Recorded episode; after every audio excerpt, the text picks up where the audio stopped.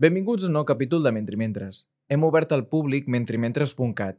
Us animem a visitar-nos, a donar-hi un cop d'ull als textos que hem estat preparant i els que vindran. Recordeu que us podeu subscriure en aquesta plataforma en la qual ens escolteu i ara també en el nostre butlletí. Que gaudiu de l'episodi. Molt bon dia de nou al podcast Mentri Mentres i avui ens trobem la segona part de l'edició que fem en, dedicada al cant dels nivelungs, eh, publicat ara per eh, l'editorial Ades i Ara. Avui tenim a Víctor Millet, eh, que faré una breu introducció, però segur que ell pot afegir més coses de la seva biografia. Eh, és professor catedràtic a la Universitat de Santiago de Compostela i ara mateix, si no m'equivoco, té un grup de recerca a la Universitat de Humboldt, que després ens pot explicar eh, què està treballant, què està fent, i el tenim aquí precisament perquè ha fet la introducció de la present edició. Hola, eh, bon dia, eh, gràcies per convidar-me. Eh, no, no, tinc cap grup de recerca a la Universitat Humboldt, jo vaig ser investigació de, investigador de la, de la Fundació Alexandra von Humboldt, però eh, sí tinc eh, projectes a Alemanya di, di, eh, diversos eh, i amb investigacions de la meva àrea doncs, a França i bàsicament a Alemanya, evidentment, perquè sóc professor de literatura alemanya medieval. No? I eh, si em permets, eh, eh, per mi ha sigut una gran, un gran plaer aquesta, aquesta traducció que avui estem presentant del cant dels Nibelungs, bilingüe, a més a més, eh, per l'editorial Ades i Ara, i eh, a més a més em sembla eh, una traducció que jo eh, vaig poder eh, revisar o vaig tenir la, la, la... Bueno, primer l'obligació i després el plaer d'haver-la de, de, de, de, de revisar amb el, amb el, amb el Joan Dalmases que, que l'ha fet i que em, sembla, em va semblar des del primer moment una, una traducció eh, molt bona eh, en el sentit de que mm, era molt llegible, mm, es distanciava del text tot el que feia falta, eh, però no perdia ni un matís. No? Vaig fer moltes cales eh, per comprovar-ho, i eh, sobretot en, en aquells passatges que, eh, que són els més importants, i, eh, i no, no, no en perdia ni un. I, eh, però, en canvi, ho, ho feia eh, sense l'esclavitud del text. No? I això és eh, molt d'agrair i em penso que eh, està tenint el ressò i la rebuda que això mereix. De fet, ara ja acabes d'avançar la primera pregunta, que era què valoraves de, de la nova edició, bueno, de la, de la present eh, traducció al, Tu deies a la introducció que era una traducció amb força i matisos i precisió i llibertat, que és precisament el que ens estàs comentant ara. Mm. Sí, sí, sí, sí. Uh, vull dir, sent un traductor novell, perquè Joan Dalmas és un traductor novell, eh, tot i que ha traduït, eh, evidentment, en la, seu, en la seva eh, fase de formació, però no eh, per publicar, eh, em sembla d'una maduresa increïble, perquè eh, encerta, encerta precisament l'equilibri, que a vegades és tan difícil. No? Sobretot els que són filòlegs, doncs eh, ens, eh, a vegades estem massa prop del text eh, i això per un, eh, per un lector que no és eh, expert eh, no, és, no és tan llegible. No? I ell fa precisament precisament això, no, no perdre un matís, però eh, guanyar, mantindre la força, la, la, l'expressivitat eh, del text eh, que eh, en les, hi, ha una, hi ha unes escenes que són monumentals, hi ha alguns passatges que són, estan molt, molt ben traduïts, mm, mantenint aquesta força, no? I, i d'això. Algunes coses he pogut discutir amb, amb ell perquè eh, bueno, dubtàvem i, eh, i ha sigut sempre un, un, un gran plaer. Sí, sobre aquestes qüestions eh, vam parlar amb ell eh, i ell sempre bueno, tenia les seves eh, eleccions com a traducció perquè, clar, no es pot fer tot alhora. Eh, tenia, no sé, ens va comentar, jo què sé, la seva preferència per al personatge de Hagen, que li donava una personalitat molt forta. Eh, però bé, eh, també et volia comentar de la valoració d'aquesta traducció respecte a les altres, perquè, com sabem, aquesta és la primera traducció del cant dels Nimalungs al català, llavors no la podem comparar amb cap eh, traducció al català, però amb altres llengües. Quines eleccions s'han fet aquí que eh, no s'hagin fet en altres o quines diferències pot haver-hi d'aquesta traducció respecte a altres llengües?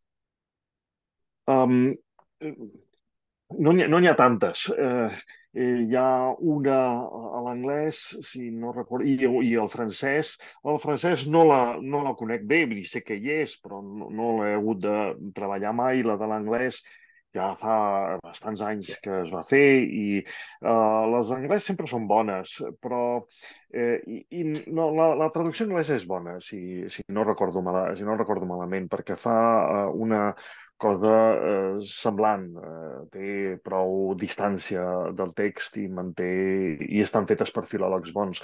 La del francès no la conec, em sembla que també hi ha alguna italiana de fa, de fa anys.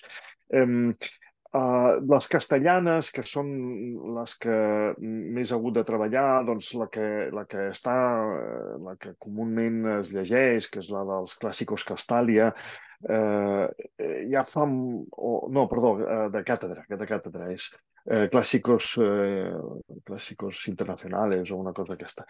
Aquella col·lecció de clàssics de, de càtedra eh, ja, és una traducció dels anys 80 feta per, um, una, per persones que, bueno, tampoc eren tan dominadores de l'alemany mig i que, bueno, eren filòlogues, eren bones, estan ben fetes, són serioses, però també moltes vegades, aquest, i això val per moltes de les traduccions eh, eh de les que estem parlant, es deuen a una lectura del text que en les darreres dècades ha quedat una mica superada. No? Eh, es deuen a una lectura del text més... Eh, o una interpretació del text, vull dir, una, una lectura mm -hmm. en el sentit eh, de contingut eh, més de mitjans del segle XX que no pas de primers del segle XXI, naturalment.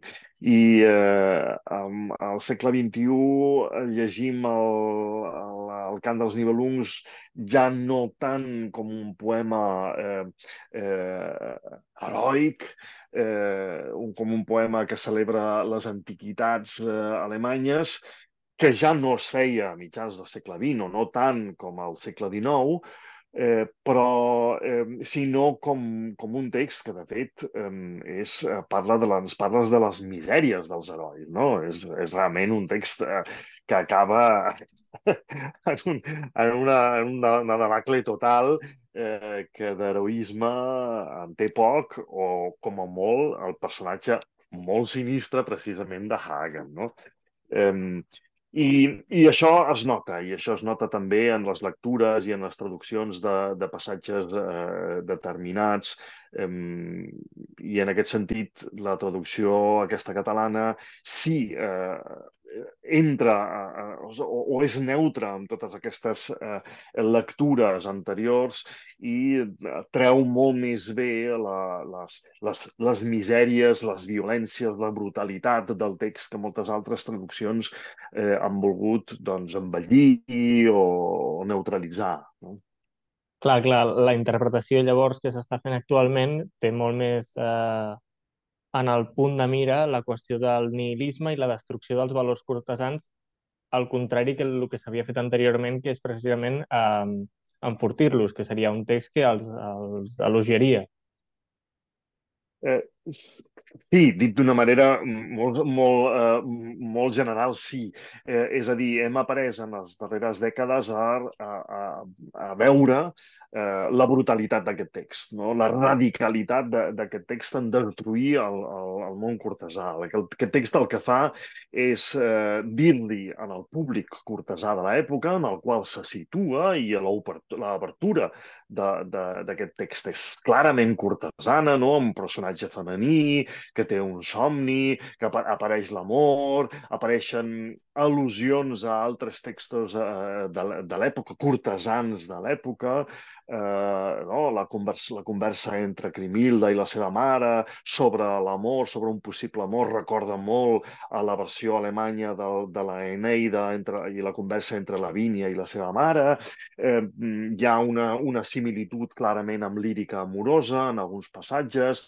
Eh, o sigui, clarament en aquesta lírica, en aquesta literatura cortesana que està de moda a, a, a finals del segle XII, que és la gran moda eh, d'aquesta època per poc a poc eh, mostrant-nos com aquests eh, supostament cortesans en el fons són eh, uns herois primitius, brutals, eh, que no tenen pietat, que prefereixen eh, qualsevol eh, lluita, qualsevol sang, qualsevol eh, identificació pròpia com a herois per damunt de qualsevol eh, valor social, ètic, moral, eh, etc. No?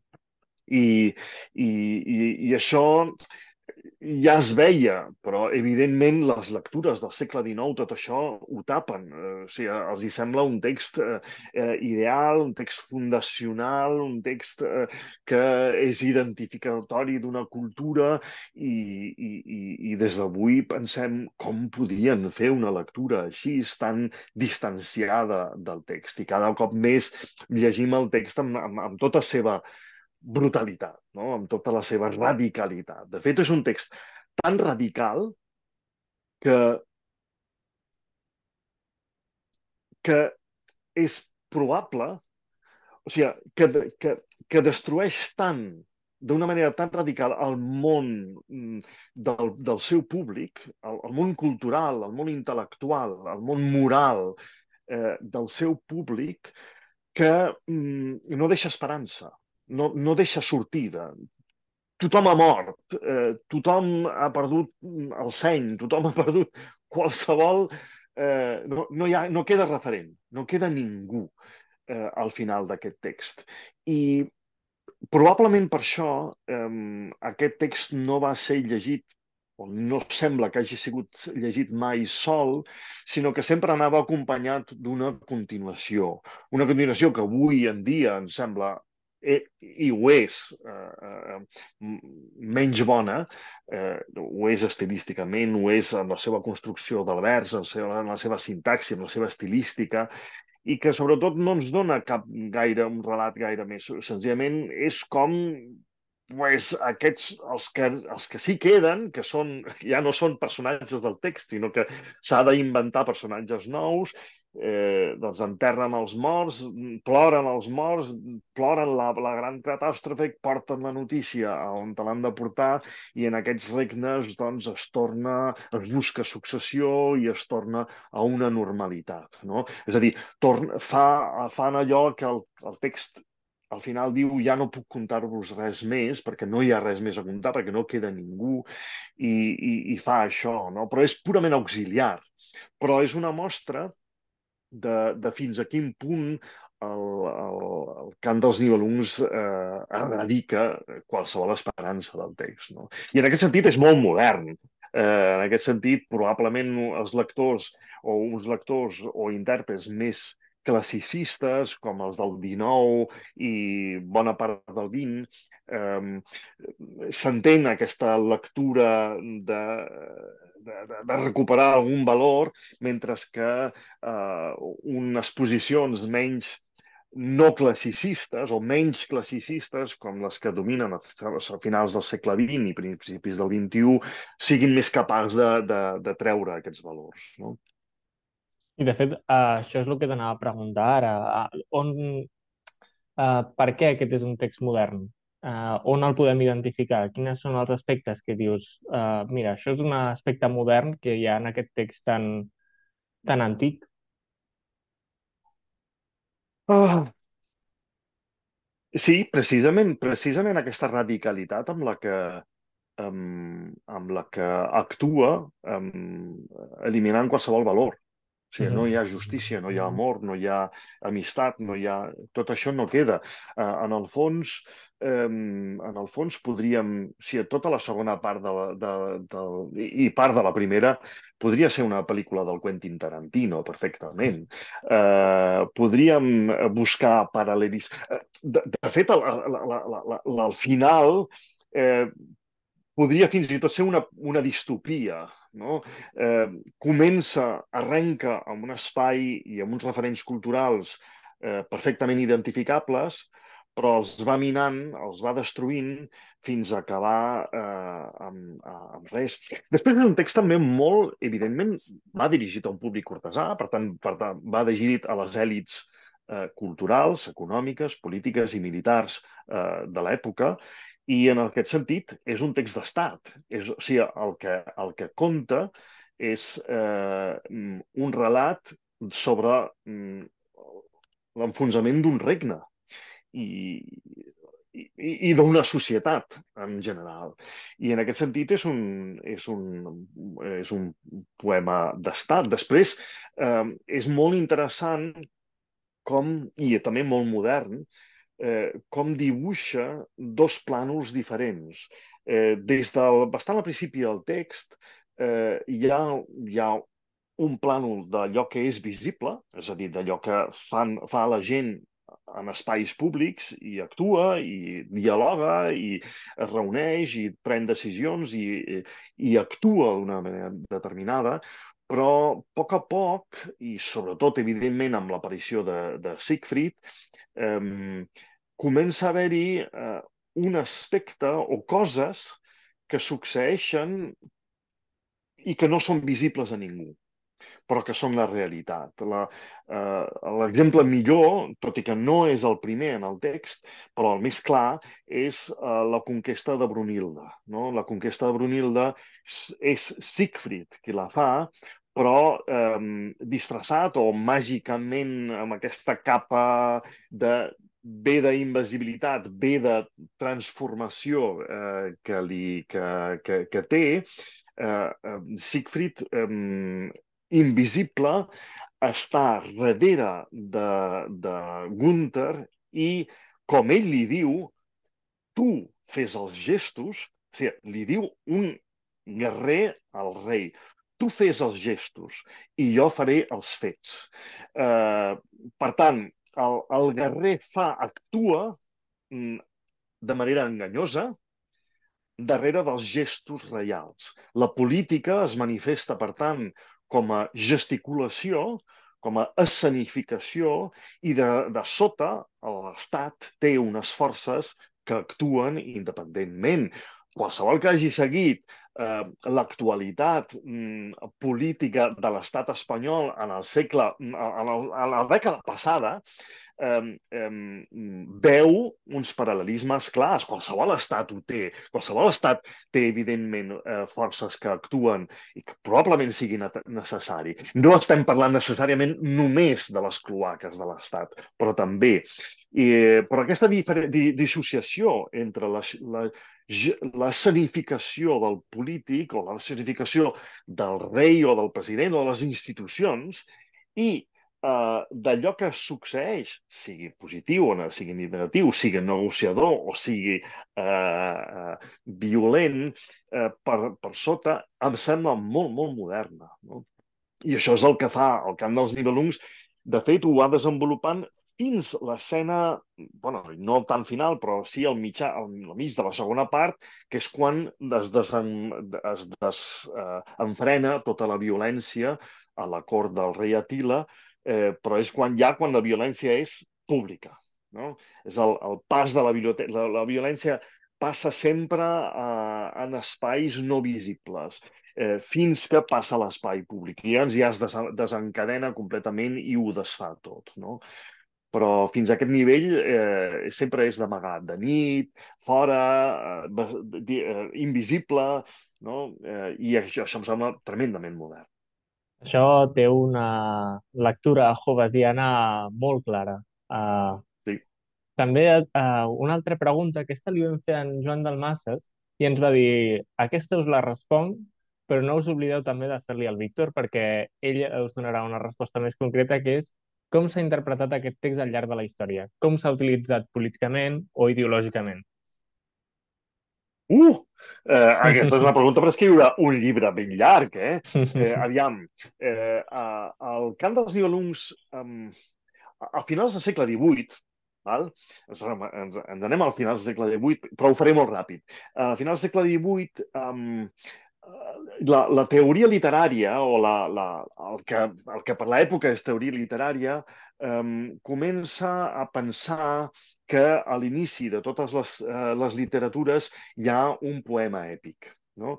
de totes les literatures i de totes les cultures. No? Hi ha la Ilíada, hi ha la Ineida, eh, fins i tot ja es coneix una mica la, la, la chanson de Roland, eh, etc. I eh, en aquest moment, o en, en aquest, en aquesta mateixa època, es redescobreix la literatura alemanya medieval. Eh, hi ha quatre friquis, perquè són en aquell moment quatre friquis, que mm, van per les biblioteques i veuen els, eh, textos antics i diuen oh, però això és molt bonic, això és molt interessant. Què passa? Um, es publiquen les primeres transcripcions, les envien fins i tot a l'emperador, una còpia dedicada, no sé què, i l'emperador diu això és una porqueria, això jo no vull res, eh, res d'això. Goethe tampoc, tampoc li semblen uns textos interessants, el cantar dels Nibelungs, per favor. Eh, clar, són textos amb una llengua que encara no s'entén bé, eh, que es necessita temps per realment comprendre tots els, els termes. Vull dir, no hi ha una història de la llengua encara desenvolupada com per, per entendre, faltava molt.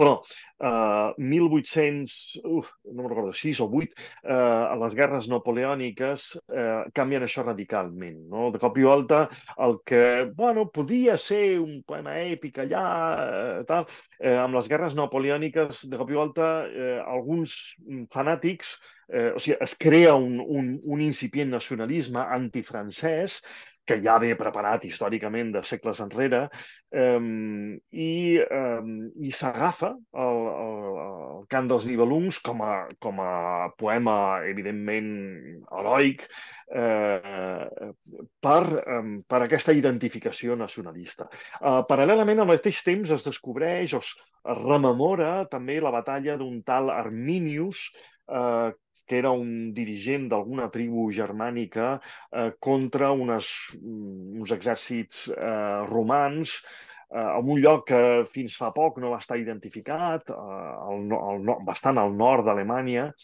Eh, I aquest Arminius es va identificar amb un guerrer eh, eh, germànic i, i després ja teníem la, la manida ben feta. No? A partir d'aquí comença una identificació nacionalista molt forta, que té corrents molt vàries, eh, que al, al mateix temps es redescobreixen els textos escandinaus i llavors es fa una història, els textos escandinaus relacionats a aquest tipus, a, a aquestes històries, perquè els textos escandinaus tenen moltes altres històries que són molt més interessants, no? o on hi ha molta més modernitat per aquella època per a Escandinàvia. Eh, però es descobreixen les Eda i, i les, algunes de les sagues que, fan, que recullen aquestes mateixes històries que es relaten al cant dels Nibelungs, eh, etc. Després ve Wagner, hi ha una mistificació, eh, o sigui, uns van pel, per l'àmbit de mística, de mitologia, ja, mistificació no, mitologització, mitologia germànica, eh, intentar recuperar allò que és preromànic, no?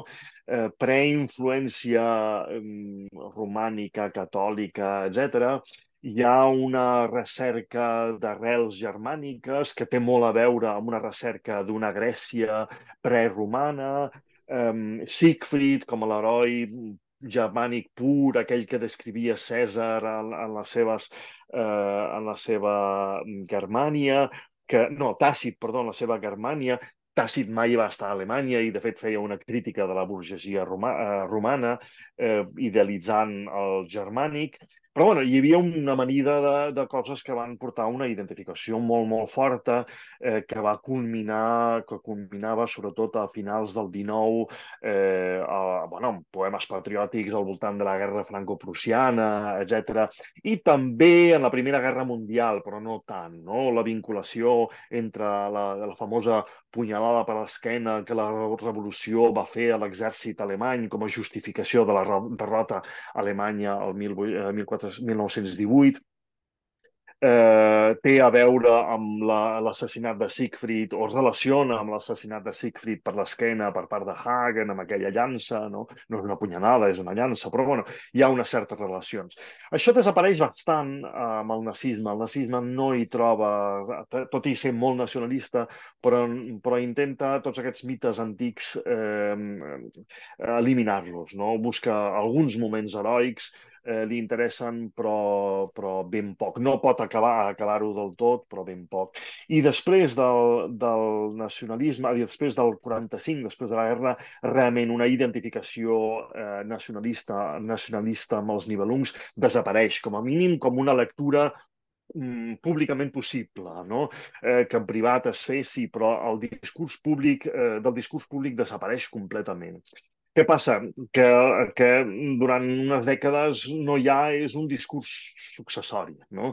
Eh, i, I a poc a poc, sense que ho convertir-ho en un, un discurs polític-cultural, a poc a poc aquest, aquesta relectura de la, brutalitat del text, de la, de la, d'aquesta comprensió de que el text eh, el que fa és precisament el contrari, no construir res, no ser un model de res, sinó destruir els models de l'època, um, ha, anat guanyant eh, pes i s'ha anat veient eh, això.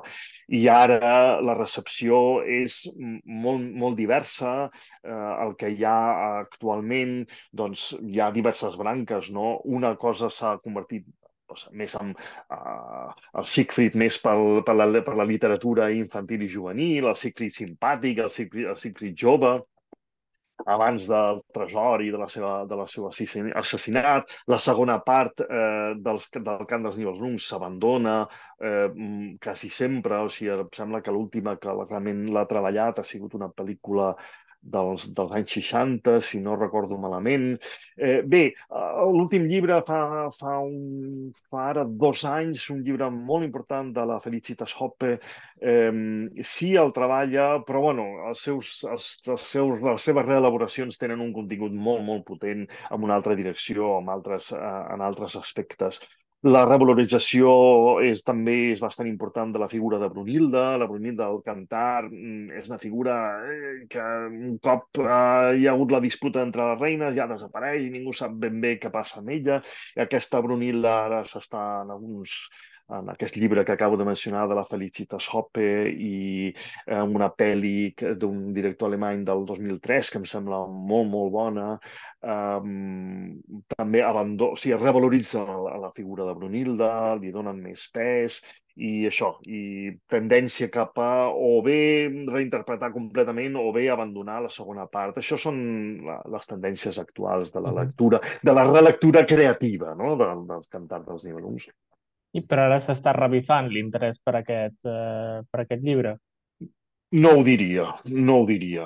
Home, Felicitas Hoppe és una, és a Alemanya és una autora molt coneguda, però no és una lectura fàcil, no és una autora fàcil de, de, de bestseller. Hi ha una, una mica un record cultural que sí que queda en el sentit de que si apareix, si aparegués alguna història, un descobriment al, al voltant del, del cant dels nivelungs, segurament tindria mm, repercussió mediàtica, a la premsa i si es fa un des descobriment molt important sobre mm, lírica o sobre novel·la artúrica, probablement els seus ressorts mediàtics seria una mica menor, però mm, no, no hi ha una lectura política, no hi ha una lectura eh, identificatòria de cap mena amb, amb, amb aquest text. Uh -huh. També és una mica diferent, per exemple, amb el tractament que està rebent, per exemple, Dante. Uh, amb la Divina Comèdia es considera l'inici de la literatura italiana, l'inici de la llengua italiana, i aquest llibre alguna vegada s'ha tantejat, si no m'equivoco històricament, de que fos així, però ara ja s'ha descartat.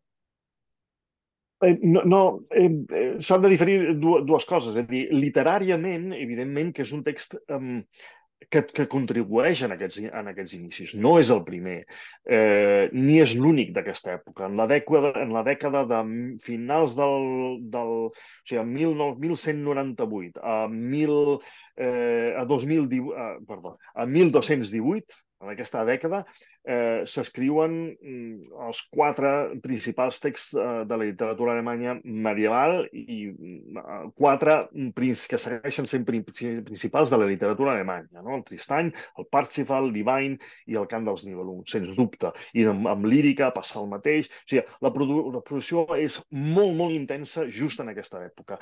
I en aquest sentit, el Cant dels Nibelungs forma part d'aquesta mm, enorme empenta a tots els nivells eh, de, de gèneres, de figures, de històries, però també de llengua, llenguatge, de rimes, de construcció, de construcció formal, eh, forma part, sens dubte. O sigui, això no ho posa en dubte ningú. Però el que ja no passa és una identificació amb el relat, una identificació cultural, política, com aprendre allò com, de, com, com, una, com un fet fundacional de la nostra història, no? que, puguem, eh, que podem retreure'ns, entre altres coses perquè allò no és Alemanya. Una història sobre un regne burgundi eh, doncs que és allà una part, no? I, i que, a més a més, la Borgonya avui dia no és Alemanya, o fa molt de temps, des de fet des del 436, que ja no està en territori eh, eh, que actu actualment germànic. I, i per tant, eh, per tant, tot el que ha desaparegut és aquesta identificació d'ancestre cultural, d'origen d'una eh, d'uns valors culturals, però sí, com a, com a, òbviament, com a peça literària eh, segueix mantenint la seva, la seva rellevància i la seva importància, clar que sí. Doncs eh, m'encantaria allargar una mica més, però ens apropem una mica al final. Llavors, eh, donaré jo crec que el, uns certs punts que em sembla que podrien resumir una mica eh, tot el que has dit. Jo crec que has fet una molt bona, eh, primer ara el que s'ha estat fent, una aportació sobre la, com s'ha estat interpretant històricament aquest llibre eh, i en cada època ha tingut eh, un interès en determinats punts, eh, parts del llibre, etc. Eh, també has parlat sobre la temàtica i la seva modernitat. Um, M'ha semblat, uh, per exemple, molt interessant la qüestió del doble relat, uh, que això és una cosa que és molt moderna. Les novel·les modernes sempre intenten tenir aquesta, aquest joc. Uh, I bé, doncs això jo, amb això tancaríem la, la, aquesta edició del podcast. Uh, moltíssimes gràcies per haver participat, Víctor. Moltíssimes gràcies a vosaltres per el vostre interès i sempre que vulgueu. Eh, moltíssimes gràcies. Adéu, adéu. Adéu.